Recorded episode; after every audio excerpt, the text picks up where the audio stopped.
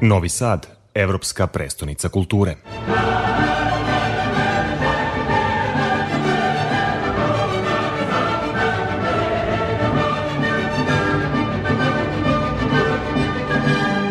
Kakav je bio vaš utisak kada ste se prvi put e, susreli sa Mefistom još na akademiji u Novom Sadu?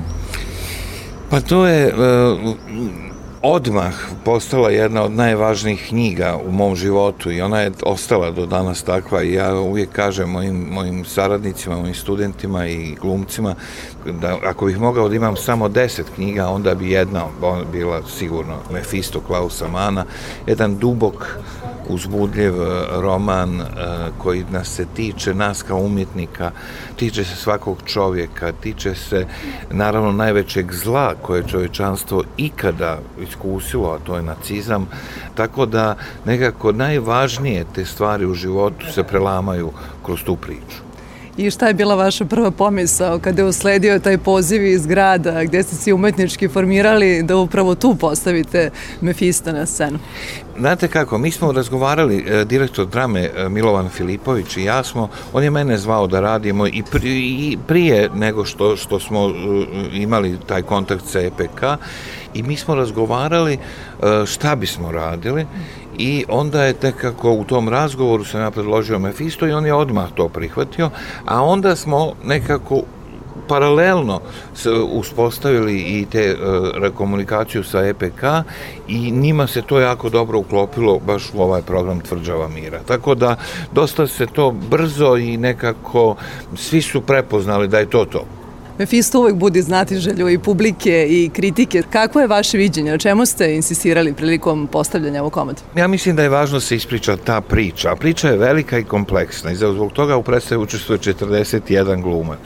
Mislim da je važno i da se čuju te riječi Klausa Mana, da, da prosto na, nekako uđemo u tu priču i ona je po meni nekako kao neka televizijska serija, da tako kažem. Mislim, na taj način smo i formirali i scene i likove i ima više likova koji, koji, koji gledalac prati. I ja mislim da gledalci su sada mnogo navikli na televizijske serije i vole televizijske serije, e pa nešto u dramaturgiji te predstave ima od dobrih televizijskih serija svakako želite da što više sačuvate originalnog teksta. Apsolutno, ja mislim, sam vrlo malo, ja sam naravno morao sam da skratim i tako, jer je to mnogo veliko dijelo, ali sam jako ostao vjeran tekstu i, i, i načinu koji je pisao Klaus Mann. Ili se Mefisto vraća na scenu u pravom trenutku? Pa ja mislim da je svaki trenutak pravi trenutak, to je kao Hamlet, znate. Svako vrijeme treba da promišlja velike teme, a pitanje e, nekako čovječnosti u teškim vremenima, u najtežim vremenima kao što je bio nacizam, to je uvijek velika tema i to je uvijek dobro da se vratimo tome, pogotovo kad je priča tako zanimljiva i tako, tako nas angažuje kao što je priča o Mefistu. I za kraj, kakve uspomene vas vežu za Novi Sad i kako je bilo sarađivati ponovo sa kolegama sa Akademije?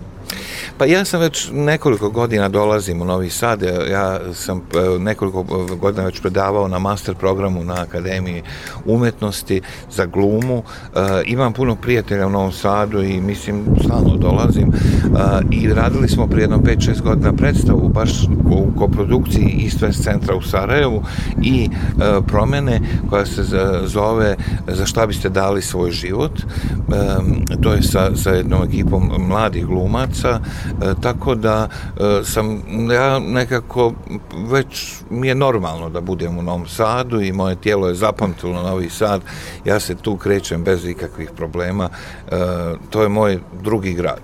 Da, jedan ste i od osnivača promene koje je tada bila jedan izraz bunta i te mladalačke slobode u doba bivše Jugoslavije. Je li s ponosom gledate o što je ona danas izrasla?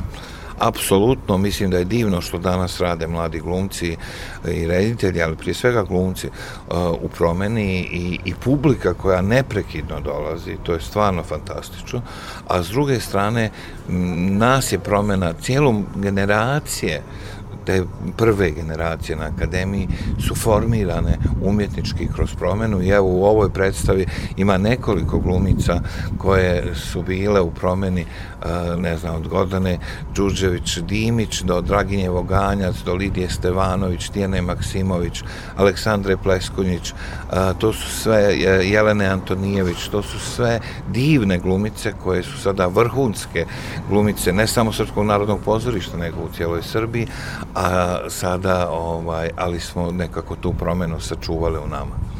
Hvala najlepše na razgovoru i radujemo se premijeri.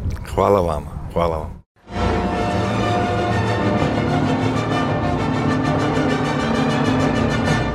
Novi Sad, evropska prestonica kulture.